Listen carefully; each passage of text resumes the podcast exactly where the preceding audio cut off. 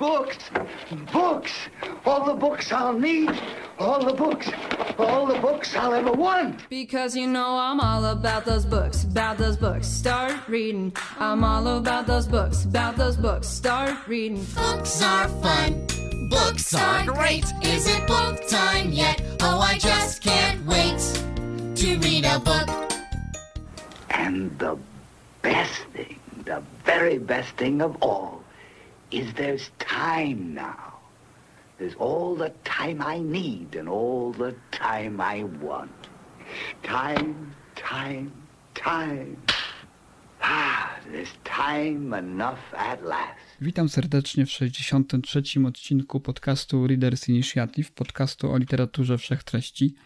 Ja nazywam się Rafał Jasiński. Dzisiaj ze mną jest e, ponownie Łukasz Skóra, Łukasz Żarłok. Witam cię serdecznie, Żarłoku. Bardzo miło, że ponownie udało ci się dołączyć do, do mnie, do naszej audycji o, o literaturze. Zjadłem jakiegoś kiepskiego kotleta mielonego i e, troszkę czuję, jak trawi mój organizm, ale mimo to witam wszystkich ciepło i serdecznie. To może zostawimy tutaj co do dalszego losu twojego żołądka naszych słuchaczy w takim e, takiej niepewności, troszeczkę takim cliffhangerem zamkniemy ten temat i być może wkrótce na kanale Żarłok TV poznają dalszy ciąg tej historii. Mam nadzieję, że nie skończy się ona e, w sposób no, przykry dla ciebie.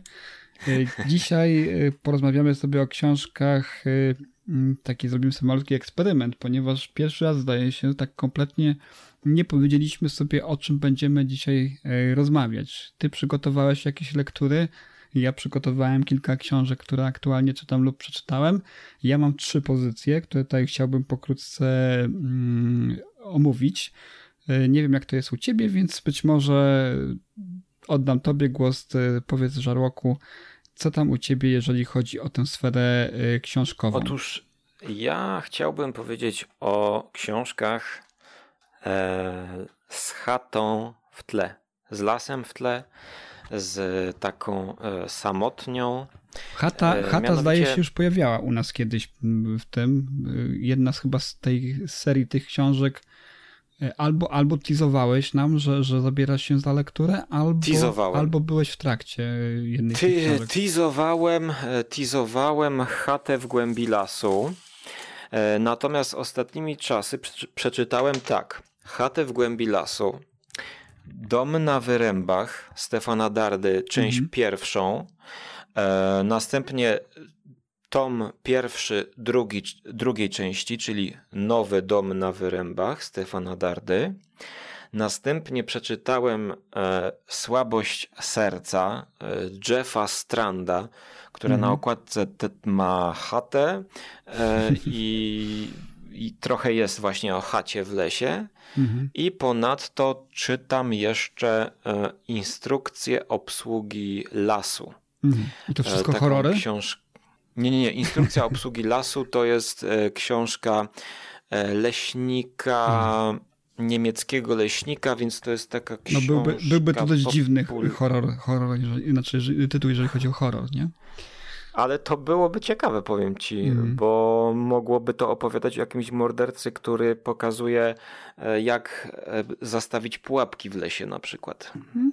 No, teksańska masakra piłą mechaniczną to też taki dość, e, powiedziałbym, techniczny tytuł, wyłączywszy masakrę może, ale, ale rzeczywiście, no, można, można nawet z takiego tytułu uprząść coś ciekawego, coś, co jest bliskie horrorowi. No ale to jest instrukcja obsługi lasu dla leśników, tak? Rozumiem? Y, dla leśników niekoniecznie. To jest instrukcja dla zwykłych zjadaczy chleba, którzy chcą pójść do lasu na spacer y, i chcą mm, troszkę się dać zmanipulować, e, posłuchać tutaj, e, jak e, Peter Wochleben peroruje z ambony, mhm. z ambony nie tylko tej leśnej, ale i kościelnej, może nawet tak metaforycznie rzecz mówiąc, bo jest to autor bestsellera Sekretne życie drzew, które to mhm. sekretne życie drzew ja bardzo krytykowałem, nie podobało mi się.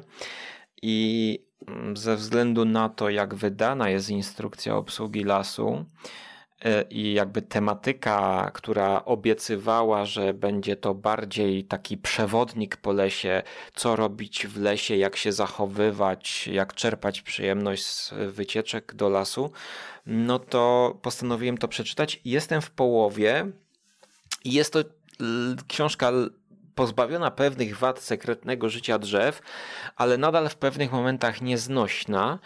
E, tutaj bardzo różne poglądy swoje na temat tego, jak powinno być urządzone państwo, jak powinno być urządzony e, stosunek państwa do lasów, co powinno być zakazane, jak wszystko powinno być zorganizowane.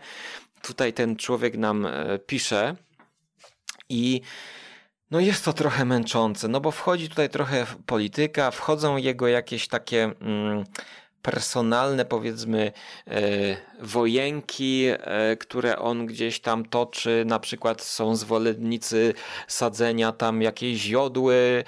On mówi, że jodła to jest znowu i świerk, że to jest za dużo tego i że trzeba tam to siać. No, to nie jest to, czego oczekiwałem, e, aczkolwiek to, czego oczekiwałem, jest tego troszeczkę. Troszeczkę jest na przykład o tym, jak wypatrywać śladów w lesie, jak się zachowywać w lesie, jak e, się zachowywać, żeby wytropić jakąś zwierzynę, e, żeby zrobić zdjęcia, tak? Tego typu rzeczy. Mhm. O spacerach w lesie. Więc ta lektura jest taka trochę. Mm, a, a ambiwalentne odczucia mam. Troszkę dla. A powiedz, skąd, skąd takie zainteresowanie tą tematyką? Co jesteś jakimś takim fanem wędrówek po, po, po tych leśnych ostępach? Czy, tak, tak. Czy znaczy, tak, tak, no to jest wiesz. Forma eskapizmu z twojej strony? Tak. uzupełnienie mhm. trochę do tych horrorów. E, trochę mhm. próbuję czytać właśnie o, o drzewach, o, o, o lesie, żeby jakoś poszerzyć, poszerzyć właśnie te e, klimaty wakacyjno-kempingowe, które Darda w bardzo ciekawy sposób e, opowiada mm, mhm. w tym, w tym domu na wyrębach. E, on na przykład właśnie wykorzystuje w książce to, że ten dom na wyrębach jest w lesie. To jest mhm. um, akcja, dzieje się. Już nie pamiętam, jaki to jest rejon polski. Mm, to jest chyba dom, bardziej. Dom na wyrębach, bo teraz mówisz o, o, o tak, mieszam. Dardy. Tak, tak, mm, Dom na wyrębach. To, to, to nie jest nowa książka, ona już, już ma kilka lat. 2000 tak? chyba trzeci rok. Mm, mm, Ogromny Jeden sukces. Z e, Dardy książek, tak. Tak, wydawniczy sukces, wiele wznowień. Potem druga część, nowy dom na wyrębach, e, który został wydany osobno i potem jakby jeszcze druga część drugiej części została wydana jako mm. trzecia książka. Mm. Więc potem kolejne, prawda, książki Starzyzna i, tak dalej. Tego jest mnóstwo. Audiobooki wy, powychodziły. No mm. i ten człowiek chyba gdzieś w Lubuskim to E, umieścił na roztoczu, nie pamiętam szczerze mówiąc, ale na przykład mhm. on wprowadza właśnie dużo zwierząt. Na przykład e, motyw tego e, głównego bohatera domu na wyrębach, samotnika, który po rozwodzie kupuje dom na wyrębach, właśnie jest mhm. miłośnikiem zwierząt, obserwacji zwierząt, tak? Ptaków dokładnie. Kupuje aparat, kupuje lornetkę i chce e, zżyć się z tym lasem, chce poznać, po, pooglądać ptaki, a dokładnie żurawie. I w tym film, e, w tej książce pojawia się motyw żur, latających żurawi, żu, żurawi, klangoru żurawi, czyli tego dźwięku, który one wydają. I właśnie one symbolizują nam coś. Specjalnie nawet e, zajrzałem do słownika e, symboli Władysława Kopalińskiego e, i okazało się, że ten żuraw właśnie włożony do narracji domu na Wyrębach ładnie, ładnie nam zazębia się z, z całym przesłaniem tego. Nie chcę zdradzać za wiele, bo ja jeszcze będę mhm osobny podcast nagrywał na konglomerat podcastowy i dla patronów audycji skóry, ale tak streszczając cię, to powiem wam, że jestem totalnie zaskoczony pozytywnie domem na wyrębach pierwszą częścią. Jestem hmm. tym bardziej zaskoczony tą książką, ponieważ wcześniej czytałem Dardy i opowiadałem tutaj naszym słuchaczom Readers Initiative o książce Cymanowski Chłód, która mm -hmm. została napisana wraz z polską w autor. W duecie, tak. Mm -hmm. Dwie części. Cymanowski Chłód i jeszcze był Cymanowski e, Las chyba. Dwie części, tak? Jedna, mhm. która działa się właśnie też w domu e, w lesie, e, takim hostelu mm, w lato, a potem Chłód, druga część to była już taka książka zimowa. Ja łapałem się za głowę, kiedy to czytałem i szczerze mówiąc e, postawiłem Stefana Dardę w okolicach Gaia and Smitha. Natomiast kiedy czytałem. Dom na Wyrębach, no to Stefan Darda powędrował, a właściwie ta książka dokładnie, bo, bo jeszcze mm, starzyzny nie czytałem, powędrował Stefan Darda na półkę z Jamesem Herbertem. Nie mylić z Frankiem Herbertem od Dune. Mhm. James Herbert, pisarz horrorów z lat 80. Szczury, prawda? Mhm. Szczury to może takie są bardziej um, palpowe. chyba najbardziej znane, tak? Jego, jego bo, to, bo to chyba też ekranizacja była swego czasu na y, kasetach VHS krążyło. Była, tak. właśnie. Mhm. Ale James Herbert jest wciąż żywy, bo ostatnimi czasy została zekranizowana jego powieść Złe Miejsce, dwutomowa mm, w Polsce świetny. wydana. Mm. Sanctuarium mm. bodajże. E, Sanctuary. Z, w roli głównej z Niganem z Walking Dead. E, fil, film nierewelacyjny, ale E, traktujący poważnie sprawę. Dla fanów Jamesa Herberta myślę, że można polecić The Sanctuary, e, produkcja z 2021. I właśnie ja bym Stefana Dardę Dom na Wyrębach plasował w stylu Jamesa Herberta. Aczkolwiek James Herbert kojarzony jest może z latami 80., 90. i właśnie tutaj Darda umiejscawia czas akcji w bodajże w 96 roku. E, książka napisana w 2003, e, albo może nawet później, kurczę, nie pamiętam, może to jest 2013. Czy ty możesz w międzyczasie sprawdzić? No, lubimy czytać. E, I, i teraz to, co można jeszcze powiedzieć, to że to nie jest tylko o samotniku, bo y, on chce troszkę się odseparować od świata miasta i obok tego domu leśnego na wyrębach jest drugi dom w którym mieszka sąsiad. I właściwie cała ta książka opiera się na próbie dojścia zagad do zagadki rozwiązania, kto mieszka w tym domu obok, dlaczego tam się w nocy cały czas pali światło i e, jaki to ma związek z poprzednim mieszkańcem domu, który kupił Marek, główny bohater. E, I ten świat zwierząt e, wchodzi e, do narracji horrorowej. Zwierzęta straszą w jakiś sposób, ale przede wszystkim tutaj odwołuje się do tradycji polskiej, e, do, do dziadów na przykład, do polskich wierzeń, do strzyg. Tutaj element nadnaturalny wchodzi. I jest to zrobione z takim właśnie wyczuciem ala James Herbert. Czyli jest dużo tego w pewnym momencie, to jest horrorowe i ta książka od pewnego momentu nie zaczyna ukrywać tego, że jest horrorowa.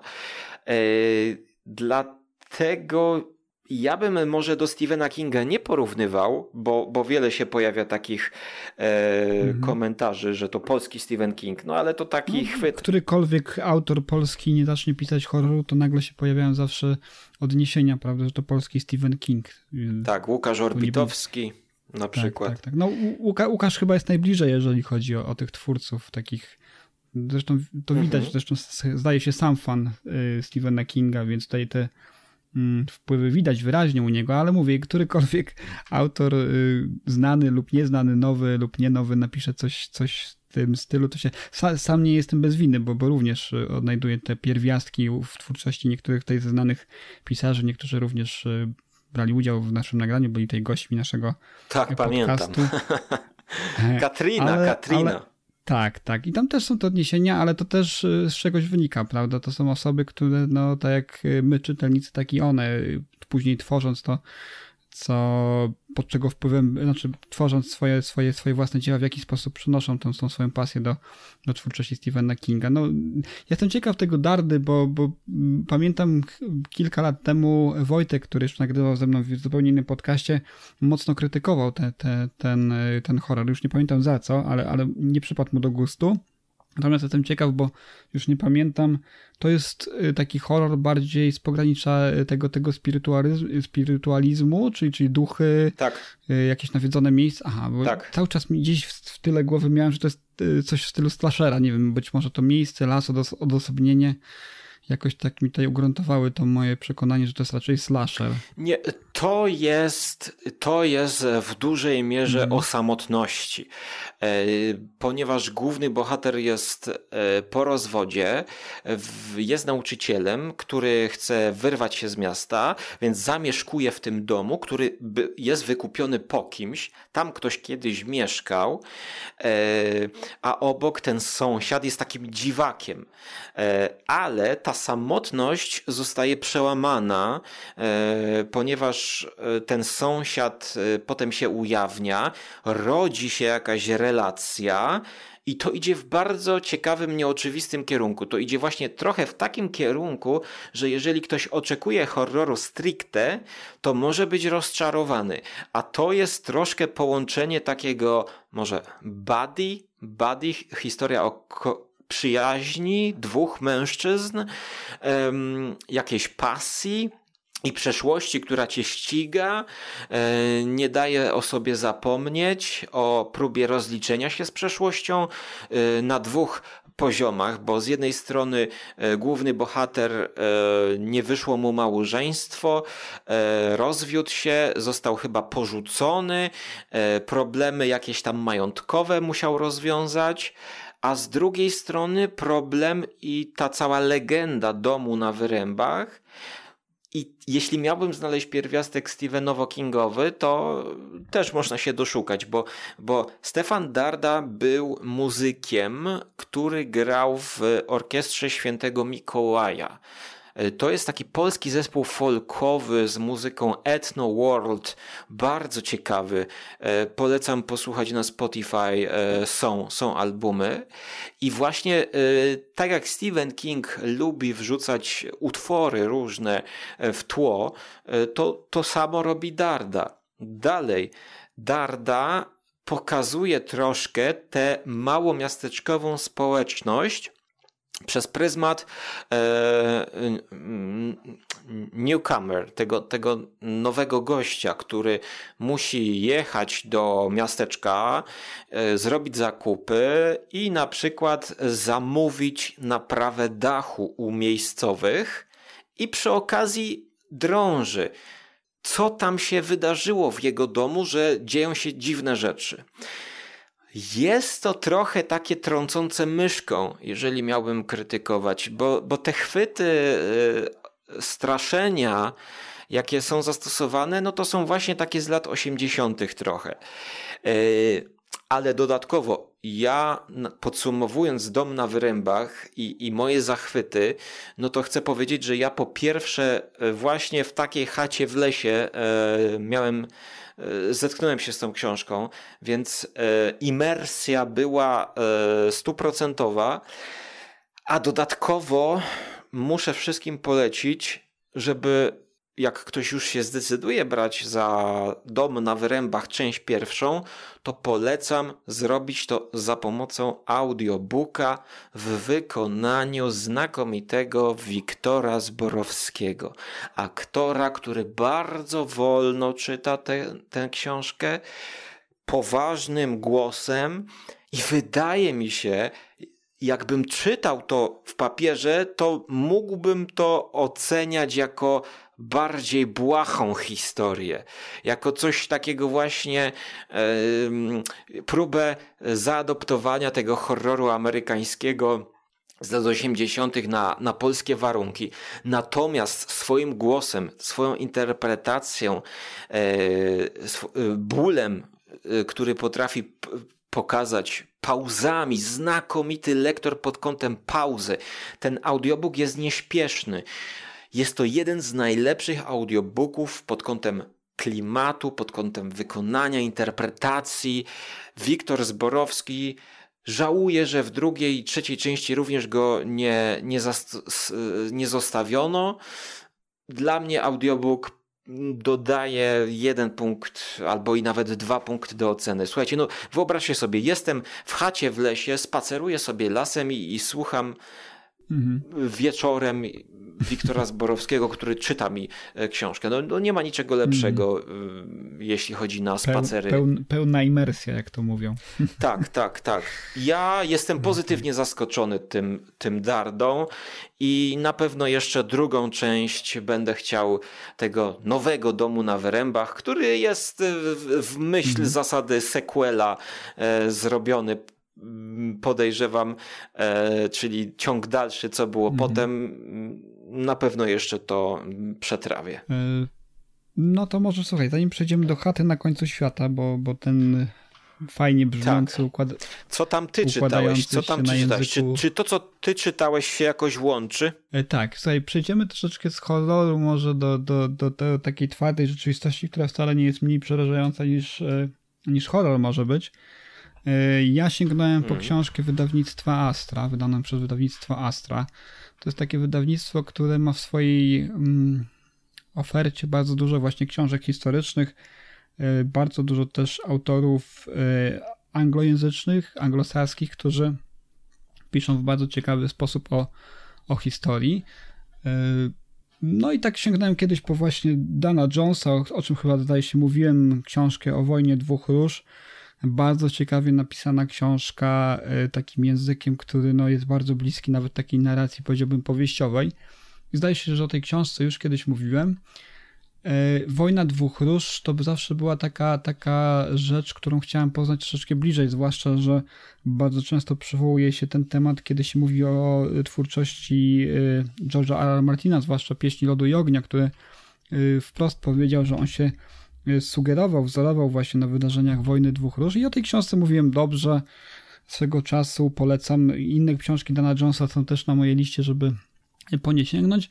Byłem troszeczkę zachęcony tym y, wydanym też przez wydawnictwo Astra y, tą, tą publikacją. Sięgnąłem po inną książkę, coś co mnie zawsze troszeczkę pasjonowało, ale patrzyłem na to z pewnej oddali, bo, bo wydaje się, że podobnie jak ja, tak, tak i większość osób, które nie mają takiego doraźnego kontaktu z wiedzą historyczną, słyszało o wojnie stuletniej, prawda, ale nigdy do końca nie wiedziałem, nie znałem szczegółów, tak, detali tego, w jaki sposób ten no, długoletni konflikt, mówiąc bardzo, bardzo uproszczając Francuzów i Anglików, y, przebiegał, na jakich zasadach, skąd to się wszystko wzięło, jak, jak to wyglądało.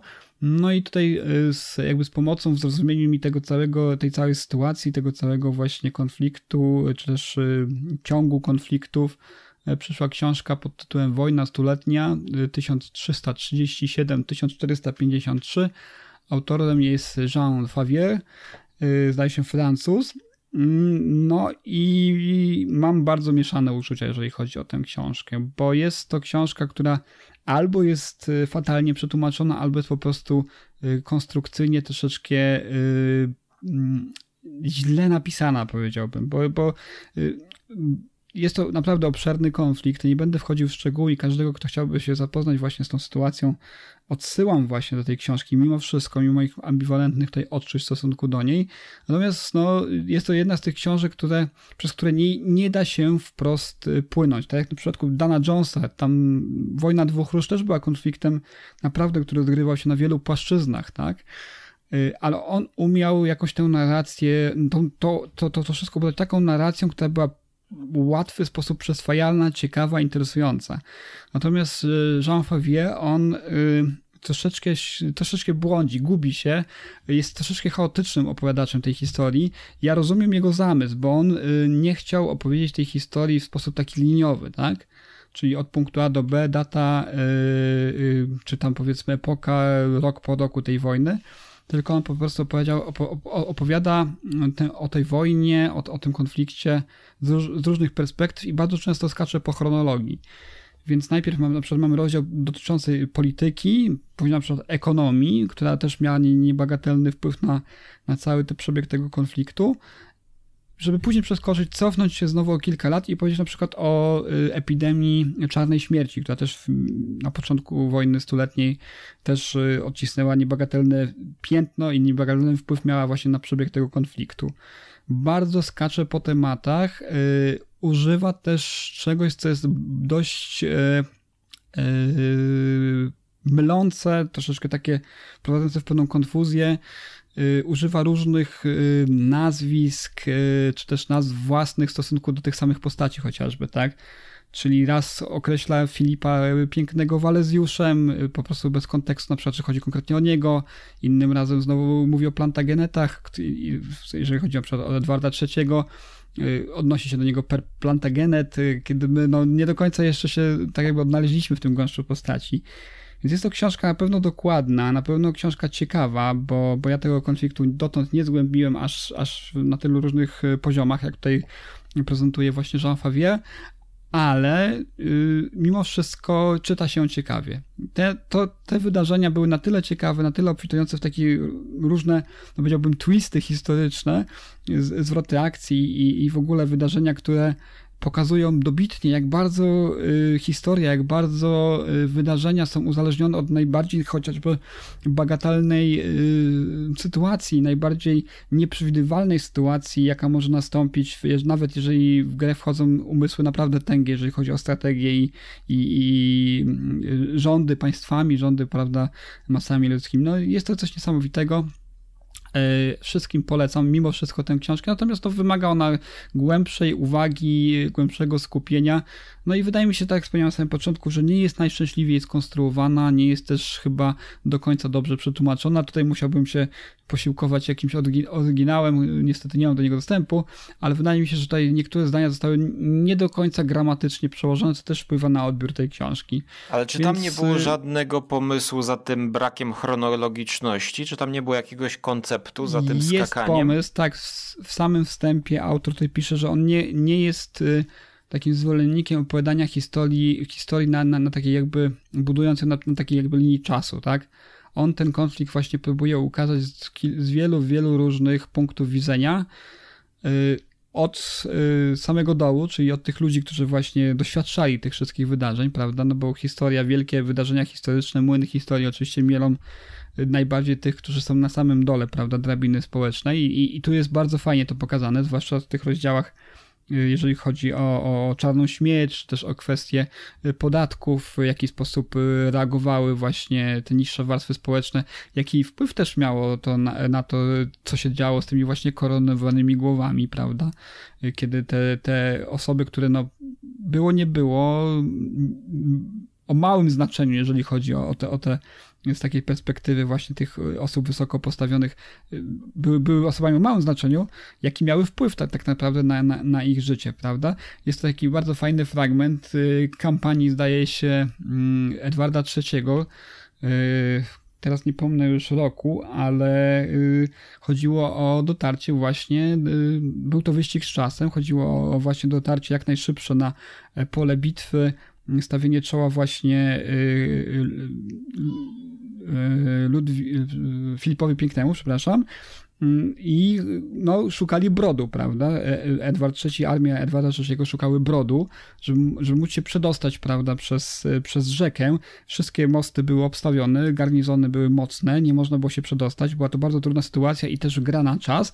I tutaj o, tej, o, o wyniku tej, tej całej potyczki, tej, tej w zasadzie kampanii, przeświadczył jakiś tam młynarczy, który stwierdził, że on pomoże, że on się opowie właśnie po, po stronie Plantagenetów. Został hmm, chyba, zdaje się, pojmany w, w pierw, tak, a później obiecano mu wolność, plus oczywiście jakieś dodatkowe tam yy, yy, pieniądze za to, że trzeba jakąś dodatkową gratyfikację. I ten maluczki właśnie yy, człowieczek, który gdzieś tam znaleziony na, na, na przedpolu bitwy, przeprowadził wojska właśnie Edwarda III, co zaważyło o losach tej kampanii na bardzo, bardzo długi czas, na, na dziesięciolecia można by było nawet powiedzieć. Więc to są ciekawe rzeczy, myślę, że, że y, temat jest ciekawy. Tak, tak jak powiedziałem na samym wstępie, no, pewnie większości z Was się obiło gdzieś tam o uszy yy, yy, sformułowanie wojna stuletnia i jeżeli chcielibyście dowiedzieć o co tak naprawdę chodziło y, w tej wojnie, o tym naprawdę skomplikowanym yy, konflikcie, już nie narod, jeszcze nie narodowym, bo to, bo to troszeczkę za wcześnie, przynajmniej na tym etapie początkowym, ale, ale konflikcie dynastycznym, to, to jak najbardziej y, polecam, polecam tę książkę. Y, y, minus, no troszeczkę pewien, pewien chaos narracji, niezbyt gramatycznie mi się to wszystko tutaj układa, jeżeli to czytam, ale też, no, jeżeli poświęcicie wystarczająco dużo uwagi skupienia tej książce, to na pewno jest to wartościowa pozycja dla wszystkich wielbicieli historii. Także to tyle ode mnie, jeżeli chodzi o te takie y, kwestie troszeczkę szersze globalnie, nie, nie, nie koncentrujące się wokół jakiejś Szybko malutkiej się chaty. Uwinąłeś. 100 lat, nie? W tyle minut. tak. Mhm. Ja w międzyczasie sprawdziłem, że Dom na Wyrębach e, został wydany e, w 2008 tak, roku. Tak. E, więc to jest 2008 rok. To ja mogę jeszcze szybciej powiedzieć w sumie, że ja bym pominął ten zapowiadany zapowiadaną słabość serca Jeffa Stranda Faint of Heart, mhm. wydawnictwo Dom Horroru, 150 e, stron, e, dlatego że ja tej książki nie polecam. Mm. Pewnie się pojawi recenzja podcastowa, bo jest już nagrana z wideo i to jest po prostu historia bardzo taka prostacka, wręcz rodem właśnie ze, nawet nie slashera, tylko takiego filmu ala pojedynek pomiędzy porywaczem a ofiarą. Tutaj kobieta zostaje sama w domu, jej mąż wyjeżdża na kemping i kiedy ona jest sama, to przyjeżdża morderca do niej, porywa ją i stawia jej ultimatum, że jeżeli e, wykona wszystko to, co wykonał jej mąż, to, to, to przeżyje, tak? Czyli, że ona ma odegrać i przejść to, przez co przeszedł jej mąż. I wtedy no i właściwie przechodzimy przez to samo, dochodzimy do, do końcówki. Mm. Słab, słaba książka. Bardzo krótka książeczka, 150 stron zaledwie. Tak, taka. Wrę, można wręcz broszurowa taka. Tak, a to, to troszkę dlatego, że to idzie w takie klimaty trochę Jacka Ketchama, wiesz. Jack Ketchum też takie te nowelki robił, ale to jest trochę tak jakby ta książka chciała być trochę Jackiem Ketchumem, a e, to najwyżej jest Jack Ketchup, e, wiesz, e, który, który no nie ma tego polotu i, i, i zostaje tutaj tylko taka masakra bardziej w pamięci. Nie widzę tutaj jakiegoś większego przesłania. E, więc ja po prostu słabości serca nie polecam. E, I, i, a właśnie się, ja nie mogę przypomnieć, czy te, tą chatę na krańcu świata Paula Trembleya e, omawialiśmy, ale wiem, że ty chyba zacząłeś czytać Paula Trembleya, jego poprzednie wydanie, czyli... Nie, nie, wiesz co, coś mi ten tytuł mówi, ale nie wiem, czy gdzieś nie natrafiłem właśnie na jakiś y, fragment podcastu z y, konglomeratu, w którym mówiłeś o tym, mhm. czy, czy też gdzieś, gdzieś mi to świta. Nie wiem, czy też u nas o tym nie było troszeczkę. No ale kontynuuj, bo, bo jakoś wpisuje się to w ten y, jakby cykl Chat. O chatach różnego. Tak, wszystkie Chata. chaty świata. Chata na krańcu świata jest e, znacznie lepszą książką niż Słabość serca, mm, dlatego że jest to troszkę połączenie realizmu magicznego z horrorem już typu e, no nie slasher, ale home invasion.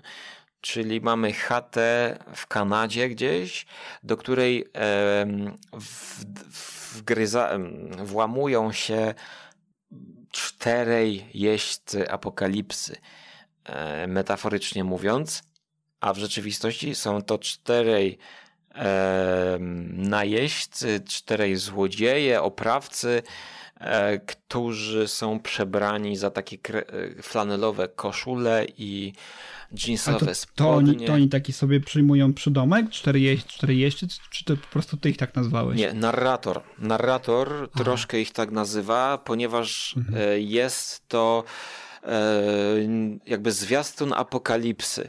Oni wróżą, że apokalipsa jest w powietrzu i że ci ludzie, którzy są w tym domu, muszą dokonać ofiary. Czyli jeżeli zabiją jednego e, ze, z, z siebie, tam jest dwóch facetów i jedna dziewczynka, jeżeli dokonają jakiejś ofiary, to że dzięki tej ofierze unikniemy końca świata. I o tym jest ta książka. E, Więcej jest już cała analiza tej książki właściwie na konglomeracie podcastowym 60 minut wraz ze No spoilerową właśnie. częścią. E, Ale jeżeli właśnie tak miałbym skracać, to klimat chaty w lesie jest jak najbardziej zachowany, dlatego że mamy tutaj e, jedność czasu, miejsca i akcji. To się dzieje wszystko na przestrzeni chyba dwóch dni w tej chacie w lesie. Dlatego znowu, jeżeli ktoś by chciał trochę inną książkę, taką bardziej właśnie amerykańską, bardziej współczesną niż Stefan Darda, to jak najbardziej może sobie rozrywkowo przeczytać chatę na krańcu świata Paula Tremblay'a. Ym, No i właściwie bez spoilerowania tej książki też jest trudno o niej mówić, bo, bo nie wiadomo, czy kim są ci jeźdźcy, kim są ci napastnicy, czy, czy mają prawdę, czy, czy, czy mówią e, z przekonaniem, czy chcą zmanipulować tych naszych bohaterów, czy mieli jakąś wizję, e, czy w tym świecie przedstawionym rzeczywiście zmierza do nas apokalipsa. Tego wszystkiego nie wiemy i tego wszystkiego dowiemy się na przestrzeni e, całej książki, a może się nie dowiemy. No. E, Jak wchodzi realizm magiczny, tak zwany, tutaj się pojawia nawet nazwisko Gabriela Garcia Marqueza, to w pewnym momencie nie wiemy w końcu, jak to interpretować. Tak? Jest tutaj pewne niedopowiedzenie na końcu zachowane. E, No i to jest coś, co chyba jest dobrym rozwiązaniem w tej książce. Dlatego jest to taka książka gra z konwencją dla miłośników horroru e, w lesie, e, którzy no, znają te, te postmodernistyczne chwyty tak, i chcą się pobawić konwencją. Em, Ale, ale odpowiedź jest dana na końcu, rozumiemy? Jest, jest, nie jest to zakończenie takie otwarte. Ja wiem, że to też może być pewnego rodzaju spoiler, natomiast to ja tutaj z perspektywy czytelnika mówię, który lubi tego typu otwarte zakończenia, tak? Czyli nie Wiesz wiemy, co, czy, czy, czy moja krytyka tego zakończenia była Mhm. pewna, dlatego że tutaj jest swoiste, otwarte zakończenie, ale jeżeli ono było przełożone by na przykład na film, albo jeżeli ty sobie wyobrażasz tę historię, to ono jest rozczarowujące pod kątem e, pomysłowości, tak? No nawet jeżeli mamy jakieś otwarte zakończenie e, w filmie, no dajmy na to zachodzące słońce i bohater odjeżdża w przyszłość, nie wiemy co się wydarzy. To zwykle jak jest otwarte zakończenie, to twórcy próbują to pokazać w jakiś taki sposób, żeby nam to utkwiło w pamięci, żeby, żeby ta ostatnia scena była jakimś takim symbolem podsumowującym całą podróż bohatera. A tutaj e, właśnie ja już czytając to i nagrywając podcast o chacie w lesie, e, wiedziałem, że, że zapomnę tego e, otwartego zakończenia, tego ro, rozwodnienia. To jest, to, jest, to jest takie rozwodnienie, to jest, to jest może tak jakby autor za bardzo chciał nie dopowiedzieć, tak bardzo subtelnie chciał nie dopowiedzieć i przesubtelnił trochę. Po prostu brakuje tam takiej sceny, wiesz, malowniczej, żeby to było otwarte, jak najbardziej, ale nie pamiętam, bo to jest, o, sprowadzone do dialogu. To, to otwarte zakończenie jest sprowadzone do dialogu. No. No, nie dopowiedzieć też trzeba umieć, nie? Tak samo jak coś, coś, coś dobrze opowiedzieć, tak samo i nie dopowiedzieć, bo, to, bo te zakończenia się... Yy... No, trzeba umieć dobrą podstawę zbudować do tego, żeby niedopowiedzenie pozwalało na jakieś tam, powiedzmy, interpretacje, tak? Na Powiem ci, własne- że tu podstawa nawet była. Aha. Tutaj to wszystko właśnie było zrobione, tylko, tylko tak jakby na ostatnich tych pięciu stronach e, brakuje, brakuje mi czegoś takiego wow, wow. No rzeczywiście, ja mogę to interpretować na różne sposoby. Może się wydarzyć tutaj jeszcze wiele, tak? I do tego to zmierzało, ale, ale ja to mam właściwie tylko w jednym zdaniu tak powiedziane, więc mam to tak niedopowiedziane, niedopowiedzenie powiedziałbym tak. tak. Jakby książka mogłaby jeszcze jedną stronę tam się potoczyć troszkę. E, No cie, ciekawy przypadek. Dla mnie takim, takim pozytywnym jakby tej y, pozytywną przesłanką, oprócz tego, co mówisz dobrego o tej książce, jest też to, że to jest y, wydane nakładem wydawnictwa Wesper, która, która dość y, powiedziałbym dokładnie selekcjonuje te książki, które, które tutaj mm, publikują w Polsce. Są to raczej takie, powiedziałbym, perełki y, literatury, nawet jeżeli gdzieś Wiesz sięgają... no nie wiem czy perełki, nie wiem czy perełki same publikuje. Ostatnio pojawił się też ten dom Maynarda, czy Maynarda, Maynarda, e, też Vespera. Wydaje mi się, że wydają na pewno nieznane te horrory, ale, ale na przykład no to, to, to też jest kolejna chata w lesie, tym, tym razem zimowa chata, do której przybywa e, przybywa jakiś przybysz, e, przybywa z Wietnamu chyba, e, żołnierz, były żołnierz z Wietnamu i ma tam jakieś zwidy. Też takie były opinie e, różne i trochę boję się e, kupić tę książkę bądź zasiąść do niej, E, więc e, ja cały czas cieszę się, że Vesper to wszystko wydaje, ale e, no, nie biorę tego wszystkiego tak pod rząd, jak na przykład Bibliotekę Grozy e, CIT, e, czyli Stara Groza. I jeśli jesteśmy już przy chatach, to właśnie ostatni tom pojawił się e, francuskiej spółki autorów Erkman Hatrian, czyli Emil E. Erkman i Aleksandr Hatran. Z francuskiego y, Aleksandr Hessin, nie, nie wiem. To jest dwóch Francuzów. E, i- Jeden Francuz umarł w 1899, a drugi Francuz umarł w 1890. I ten tomik nazywa się Niewidzialne oko. I tytułowe opowiadanie jest po części o chacie, o takiej karczmie. Jest to rewelacyjne opowiadanie. I to jest opowiadanie w ogóle, no to jest tak stara groza, Rafale, że no ja tutaj jestem akurat tym tomem zachwycony, tym niewidzialnym okiem. Bo tutaj mamy połówkę książki e, opowiadania. No to dalej już. Mamy s- Nie krępuj się rzutem na taśmę, skoro, już zacząłeś, to, to, to, to mów. Biblioteka Grozy tutaj chyba, chyba będzie musiała mamy jakiś patronat roztoczyć nad naszym Tak. podcastem, bo widzę, że to już któraś z kolei książka. Przydałoby się, przydałoby się. Sowie ucho, burmistrz w butelce, niewidzialne oko, czarne i białe, trzy dusze, pająk. I druga część to jest Hugon Wilk. To jest 105 stron, to jest nowela, y, którą znajdziecie w, na polonia.pl albo polona.pl. To, y, to jest wirtualna biblioteka narodowa jakaś i tam jest wydanie chyba z 1920 roku, stare, w PDF-ie polskiej.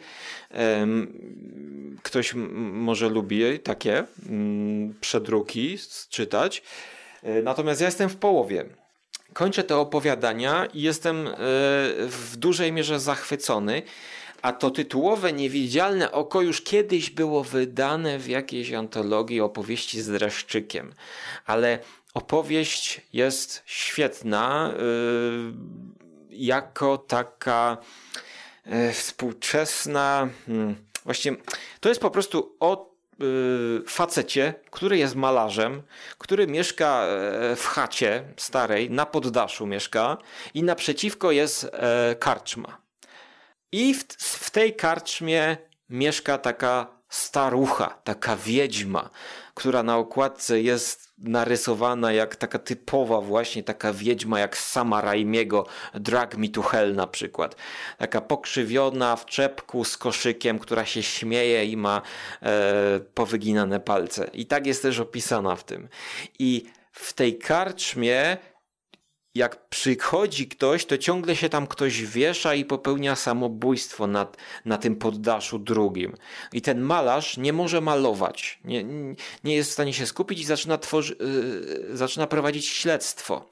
I właśnie podejrzewa te wiedźmy. No i się okazuje, że ona jest rzeczywiście jakąś wiedźmą, która prowokuje te morderstwa, te samobójstwa. I prowokuje je w, w taki dziwny sposób, ponieważ ona robi kukły tych ludzi, którzy tam przychodzą nocować i wywiesza te kukły pod stropem, pod dachem. I ktoś widząc swoją kukłę, to jest opisane w narracji, że na zasadzie takiej, jak jesteśmy tam powiedzmy w jednym pomieszczeniu i ktoś ziewa, no to co robisz, Rafale, jak ktoś ziewa obok ciebie? No, też ziewam. Niewyjaśnionym do tej pory e, ciągiem, no prawda, przyczynowo-skutkowym. tak. No, więc wyobrażasz sobie, co, co ci ludzie robią, jak widzą swoją kukłę powieszoną, nie? Oni się też wieszają. I, i, I to opowiadanie grozy jest takie, takie kurde, jak na swoje lata to jest tak z taką lekkością opowiedziane. Jest to takie palpowe jak na tamte lata, jak, jak na 1860 rok y, mniej więcej. Yy, wiesz, jest karczma i ten malarz, malarz postanawia się chyba... Mm, Czekaj, czy on się tam chciał wprowadzić? Nie, tam się wprowadził kolejny jakiś nieszczęśnik, który e, może e, zaraz e, popełnić samobójstwo, ale ten malarz, słuchaj, przebiera się za te wiedźmy. Jako, że jest malarzem, to on na swojej twarzy maluje, mm, tak się maluje, żeby było żeby, żeby wyglądało, że jest e, tą wiedźmą. I kiedy ta wiedźma przechodzi, to on macha do niej i on tak e, jakby sam się wiesza, tak? Mm, sam wyskakuje, próbując się powiesić, tylko to jest perspektywa tej e, starszej kobiety, bo on zrobił swoją kukłę, tak? I się tak schował i oszukał tą wiedźmę, że powiesił tą wiedźmę, tak jakby. No i w ten sposób zabił tą wiedźmę. E, jest to takie, kurczę, no chciałbym, żeby to ktoś przeczytał. Trosz, troszkę, troszkę jak z, jak z mitu o bazyliszku, nie? Że, że wiesz, że... Trochę, no, no, no. Gdzieś tam techa. E, I powiem ci, że e, zabawne. Jest to miejscami autorzy, bo to właśnie była francuska spółka autorów, którzy pisali te, te opowiastki e, nie tylko e, grozy, e, Pisali też poważniejsze rzeczy, takie bardziej historyczne. Mm, oni we Francji odnieśli duży sukces. No, no i właśnie, to nie tylko tytułowe opowiadanie, niewidzialne oko jest, jest, jest, jest, jest dobre, bo na przykład jest tutaj opowiadanie pod tytułem Trzy dusze, e, którego już nie będę streszczał, ale mm, to opowiadanie zaś było po części jakoś zekranizowane w filmie Martyrs, czyli Cierpiętnicy. Martyrs to był jeden z tych takich pierwszych filmów e, tej francuskiej coś fali. Mi, coś mi się kojarzy, ale to, to, to, było, to było mocne kino. To, to było... Tak, mhm. dokładnie. To było mocne kino, francuska fala, która pokazywała e, cierpienie, krew, e, nawet nie dając takiej wagi takiego ciężaru, nie podkreślając samego gore, ale męczenie, tak? E, cierpienie podkreślając. I jak ja przeczytałem opowiadanie Trzy dusze, no to zobaczyłem, że właściwie to jest taki remake troszkę. E, a to opowiadanie właśnie jest chyba z 1859 roku. Jest przerażające, jest e, jest straszne opowiadanie, bezlitosne, właśnie o torturach, trochę taki hostel, e, trochę martyrs, e, mocne opowiadanie jak na tamte lata. Słuchajcie, to no, ja nie wyobrażam sobie, co mogli czuć e, w tamtych czasach czytając coś tak bezkompromisowego, coś tak brutalnego, coś tak bezlitosnego, pokazującego tortury, e, tortury e, kobiety y, i, i, i, i, mężczyzny, którzy, którzy są wsadzeni do lochu, torturowani e, w celu jakichś pseudo-filozoficzno-naukowych, powiedzmy. E, no, Erkman, Hatrian, cały tomik, niewidzialne oko. E, jak na razie jestem w połowie i bardzo pozytywnie oceniam. E, a, a morał z tego jest taki, żeby uważać na wszystkie chaty mhm. E, i na wszystkie karczmy w małych miasteczkach i, i, i w leśnych ostępach, bo bo... No, one, one, są po to budowane właśnie, żeby tam działy się rzeczy makabryczne, straszne, z pogranicza, prawda, światów, e, duchy, prawda, potwory, rodziny, prawda, jakichś zmutowanych mm, mieszkańców, e, prawda, ten, stosujących chów wsobny i tak dalej, nie? Po to, po, to, po to te budynki, po to te budynki istnieją, no niestety. Tak, tak, taki folklor. Słuchaj, ja miałem jeszcze dwie książki, ale myślę, że dobrym wyborem na koniec będzie wybranie tej książki, która no, też w zasadzie mówi o pewnego rodzaju miejscu, które może nie jest na krańcu świata, ale jest poza światem. A w zasadzie mhm. o mieszkańcach tego miejsca. Y, postanowiłem sobie w tym roku, na samym początku tego roku, zrobić y, maraton z książkami y, Terego Pratchetta, ponowny.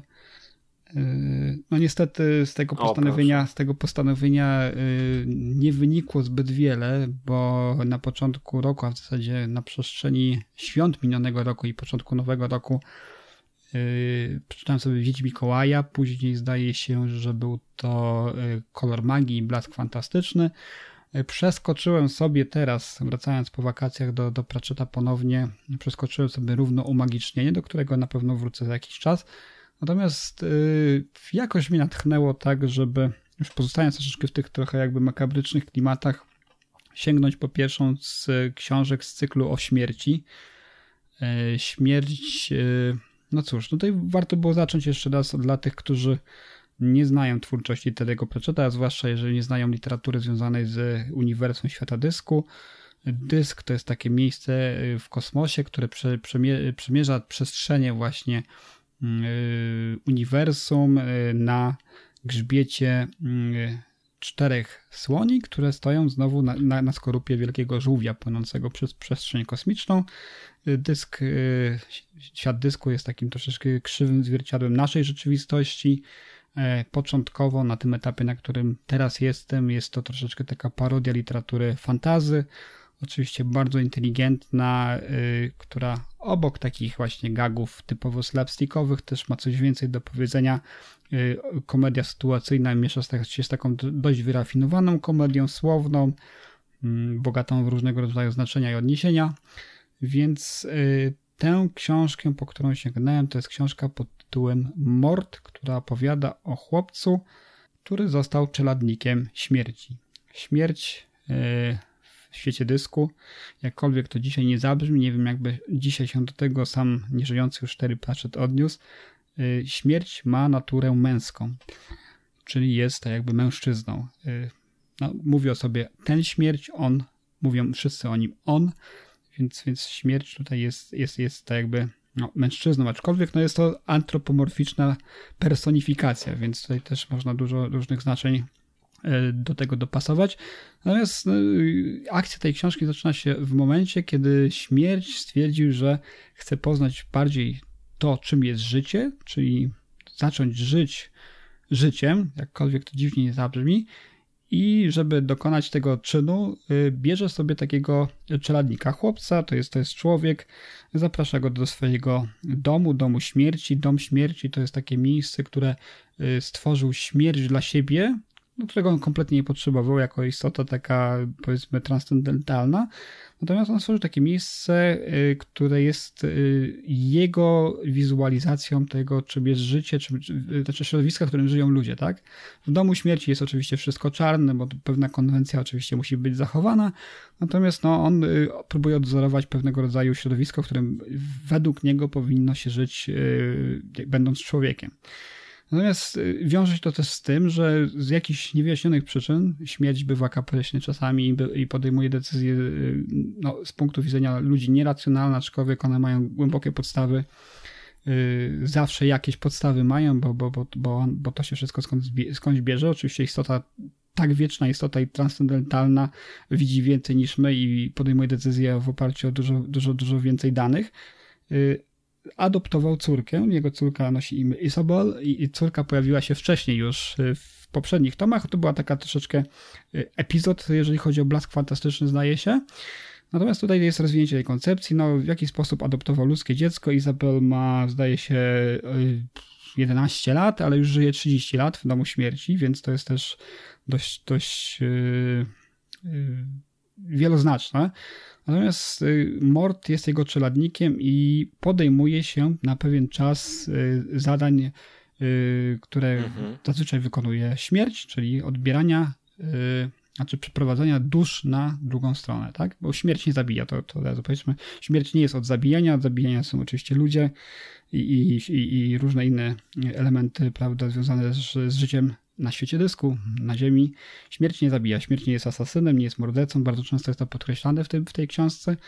Natomiast no, chłopak y, tutaj, który jest wzięty na czeladnika, ma na imię Mortimer, w skrócie Mort, od czego też oczywiście wziął tytuł tej, tej, tej książki, Y, Mord y, ma ten niestety problem, że ma też oczywiście sumienie i ludzkie uczucia, czego oczywiście nie ma śmierć. Śmierć jest ostateczna, śmierć nie podejmuje decyzji, decyzje są podjęte za niego, natomiast śmierć tylko wykonuje swoją pracę, czyli po prostu przeprowadza ludzi na drugą stronę. Natomiast mord, no niestety w pewnym momencie, w którym, na pewnym etapie lituje się nad yy, pewną księżniczką, która mu wpadła w oko, nie dokonuje tego, tego rytuału przejścia, po prostu nie przecina jej linii życia. No i tutaj się właśnie wywiązuje cała akcja książki, ponieważ y, jak wiemy, no historia i rzeczywistość i prawda, y, kontinuum czasoprzestrzenne nie znosi takich sytuacji, kiedy ktoś ingeruje, prawda, nie? No i tutaj następuje takie jakby rozdwojenie rzeczywistości, Oczywiście rzeczywistość i, i kontinuum i czasoprzestrzeń się o siebie upominają i teraz Mort ma, y, zdaje się, 24 godziny, żeby rozwiązać ten problem, żeby księżniczka, którą tutaj uratował, żeby nie została wymazana, prawda, z rzeczywistości, zwłaszcza, że tutaj dochodzi jeszcze do tego to, że ona mu się bardzo, bardzo, bardzo podoba. Więc y, Mort musi tutaj naprawić swoje błędy. Y, problem jest też taki, powiedzmy, dwustronny, ponieważ śmierć im dłużej przebywa w ludzi, wziął sobie urlop, i im dłużej przebywa wśród ludzi, tym więcej cech ludzkich nabywa, natomiast mord im dłużej wykonuje zadania śmierci, tym więcej nabywa cech śmierci. Więc y, jest to bardzo, bardzo ciekawe, szalenie zabawne, dużo takich właśnie tematów dotyczących życia i śmierci się pojawia. Y, dużo dobrego, dobrego humoru. E, myślę, że to jest taka e, książka, którą mógłbym polecić z marszu każdemu, który lubi dobrą komedię, ale jednocześnie też lubi, że w tej komedii się coś więcej zawiera, prawda? Jakieś głębsze, głębsze przesłanie jest. No, troszeczkę slapsticku, trochę dobrej komedii słownej, troszeczkę humoru spod znaku Monty Pythona, ale też przede wszystkim dobra, dobra, e, taka mm, powiedziałbym ciepła książka, która mówi nam o tym, y, co jest ważne w życiu, prawda, o, o podejmowaniu ważnych wyborów, o podejmowaniu wyborów słusznych, o tym, y, w którym momencie w życiu warto kierować się sercem, a w którym momencie trzeba się kierować niestety obowiązkiem. Więc wydaje mi się, że to jest to książka ze świata dysku. To jest, to jest stand alone. Można czytać tę książkę oczywiście nie znając poprzednich tomów ani też kolejnych. Natomiast no, y, dla mnie jest to jedna z lepszych książek ze świata dysku i tutaj też taka ciekawostka, bo kiedy kilkanaście lat temu czytałem tę książkę po raz pierwszy, y, uważałem ją za jedną z gorszych, jeżeli chodzi o, o tą całą serię. Natomiast dzisiaj, wracając do niej, uważam, że to jest jedna z najlepszych książek. Ponieważ... Jak to się stało, ta zmiana? Je... Na jakiej podstawie to się stało? Myślę, że to jest też kwestia wieku. Wiesz, że też na, inne, na, na pewne rzeczy patrzy się z troszeczkę innej perspektywy. I to jest właśnie. Ale co tu nowego? Właśnie, to co tu nowego odkryłeś, czego wcześniej nie widziałeś? Jest to, to cały, cały ten y, bagaż tego, tego, tego, tego doświadczenia, tego, to, to czym wspomniałem troszeczkę, wydaje mi się też, to, to, to, to kwestia, to kwestia obowiązku i powinności w stosunku do tego y, odruchu serca, prawda? Więc tutaj też mm, czasami trochę mm, warto dojść, dać do, do, do, głosu, do głosu rozumowi. I wydaje mi się, że to troszkę, też książka o tym, prawda, że Oczywiście są, są takie momenty w życiu, kiedy, kiedy warto się odruchem serca pokierować, natomiast też warto też pomyśleć o szerszej perspektywy, o konsekwencjach tego, tego uczynku, więc y, to jest taka, taka, taka głębsza, powiedzmy, tej myśli, jeżeli chodzi o, o, o tę książkę. Natomiast ona jest szalenie zabawną, naprawdę super rozrywkową książką, którą naprawdę docenią wszyscy wielbiciele dobrego humoru, dobrej komedii. Dla mnie Pratchett, ilekroć do niego wracam, teraz sobie do Morta też wróciłem, bo miałem taką potrzebę, miałem kiepski dzień, kiepski humor, y, otworzyłem sobie właśnie Morta, no i tak już popłynęło, że, że nie odłożyłem tej książki, dopóki jej nie skończyłem. Tak jest po prostu Pratchett, więc y, jeżeli ktoś jeszcze nie sięgnął, wiem, że wiem, że jeżeli nasi, są wśród was słuchacze, którzy są z nami od początku, wiedzą doskonale, że jestem apostołem Terego Pratchetta, ale mimo wszystko po, po raz kolejny Dokładnie. będę tutaj gorąco, gorąco polecał. E, nie wiem, czy, czy ja się nie powtarzam przypadkiem, ale, ale też e, mm, chodzi o to, że przy przypadkiem przy każdej książce, którą omawiam, jeżeli chodzi o Terego Pratchetta, nie mówię, że to jest książka, od której warto by zacząć przygodę z Pratchettem, ale wydaje mi się, że Mort jest bardzo dobrym, bardzo dobrą książką, od której by było warto zacząć przygodę z Pratchettem. Więc tak to wygląda. Tak, tak. No, gorąco polecam, gorąco polecam. A swoją drogą też, też y, rekomenduję, y, nie wiem kto to czyta akurat na, na audiotece, ale też jest świetne, świetne interpretacje są, y, jeżeli chodzi o audiobooki. Wiem, że wszystko nie wyszło, ale z tego co pamiętam, to Mord również jest dostępny w audiotece, to też, też do odsłuchania, bo pamiętam, że słuchałem niedawno chyba właśnie Koloru Magii i ten sam y, lektor czyta również Morta, więc to jest y, naprawdę wysoka półka, jeżeli chodzi o, o lektorów. Teraz chyba pan Kowalik, o ile się nie mylę, ale, ale głowy nie dam. Hm. No to mamy powrót. Hmm. To, jeżeli, to tyle, jeżeli chodzi o śmierć. no, śmierć w krzywym zwierciadle trochę e, łączy się ze śmiercią na poważnie w osamotnieniu w chacie w lesie. Mm. W dzisiejszym odcinku Readers mm. Initiative. Mm, to prawda to prawda. To co, czy no, jeszcze... Miałem jeszcze, no. miałem jeszcze, co prawda, ale wydaje mi się, że to jest też temat na troszeczkę dłuższą dyskusję, bo, bo też kontynuuję oczywiście yy, wspomnianego chyba kiedyś już w naszym podcaście yy, Roberta Jordana i jego koło czasu, ale to jest też, wydaje mi się, temat na lepszą okazję, która już niebawem nastąpi, bo 19 listopada Amazon Prime wyemituje pierwszy sezon y, serialu właśnie opartego na, na, na y, cyklu koło czasu, więc być może będzie ku temu lepsza okazja, żeby o tym porozmawiać. Natomiast no, kontynuuję, y, a w zasadzie wróciłem do, do koła czasu Roberta Jordana. Przypominam sobie tomy, których, które czytałem wcześniej, żeby móc przejść w końcu do tomów, których jeszcze nie czytałem. Więc też rekomenduję, być może mm, później, kiedy, kiedyś w kolejnych odcinkach opowiem o troszeczkę szerzej. Nie wiem, czy ty coś jeszcze masz dzisiaj, bo tak powiedzieliśmy na samym początku, dzi dzisiaj tak trochę. Wiesz co? Z niespodzianką. Dzisiaj tak trochę niespodzianką, no tak leśnie. Mhm. E, Wiesz co, zacząłem jeszcze czytać nową, nowy komiks Gaia Delisle, Mhm. e, kroniki e, z młodości. Zacząłem czytać komiks Trasa promocyjna Andiego Watsona. Jestem jeszcze tak w 80-70% Roberta Eichmana w głębi lasu. Opowieści upiorne i śmiertelne z wydawnictwa Dziewiątka, czyli Misterium Grozy. W sumie, w sumie o tych książkach jeszcze chyba y, powiem przy okazji naszych kolejnych spotkań, właściwie o, o komiksach i, i ta książka w głębi lasu też pasowałaby w sumie do naszych em, leśnych chat, ponieważ tytułowe opowiadanie w głębi lasu y, jest opowiadaniem o dziwnym hospicjum, czy może sanatorium w głębi lasu, gdzieś e, w Szwajcarii bodajże, gdzie przychodzą ludzie, którzy mają problem z bezsennością i w nocy nie mogą spać i chodzą po ciemku, spacerując po lesie w nocy. I tam przychodzi główna bohaterka, która zaczyna tam pomieszkiwać i to zaczyna na nią wpływać i oddziaływać.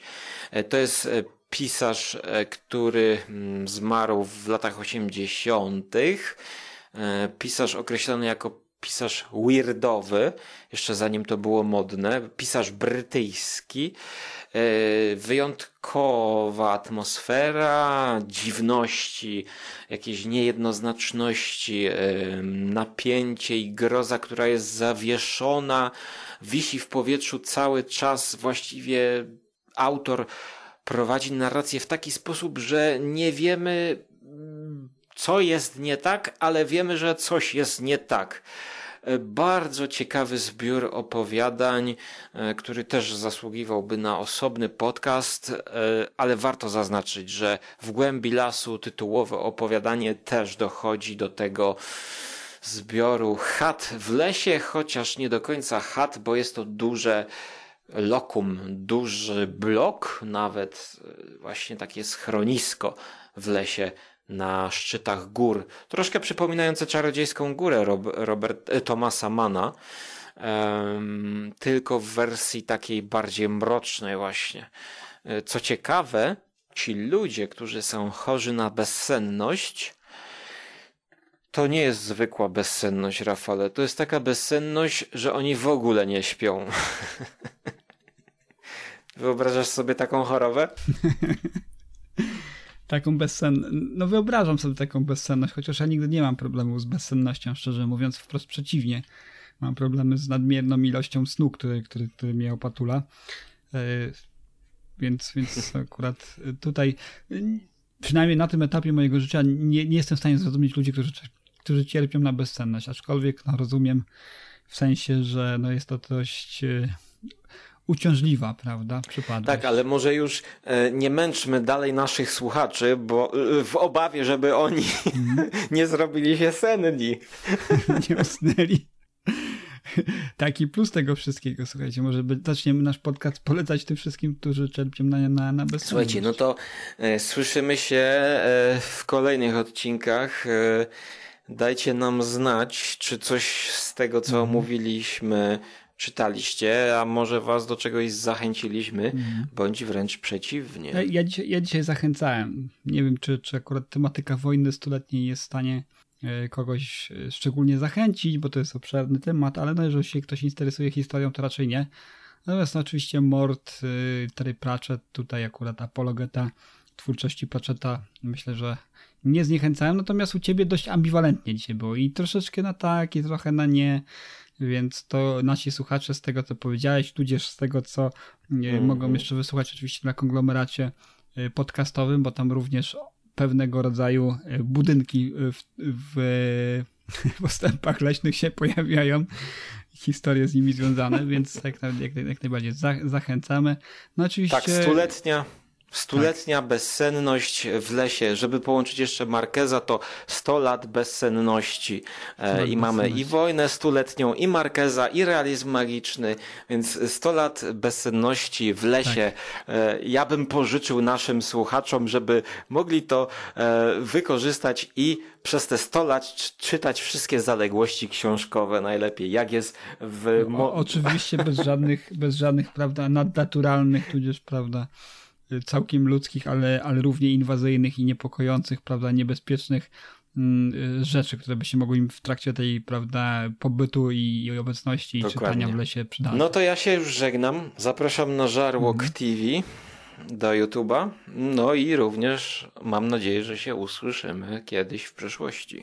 Ja również dziękuję Ci, Łukaszu, za, za, za dołączenie dzisiaj do mnie.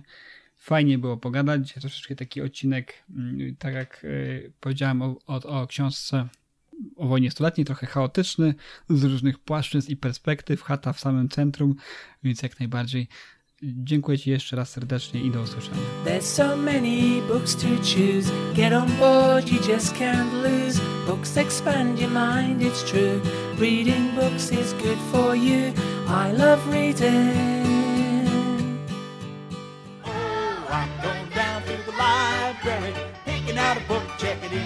Out. Gonna say hi to the dictionary, picking out a book, check it in, check it out. I'm going down to the library.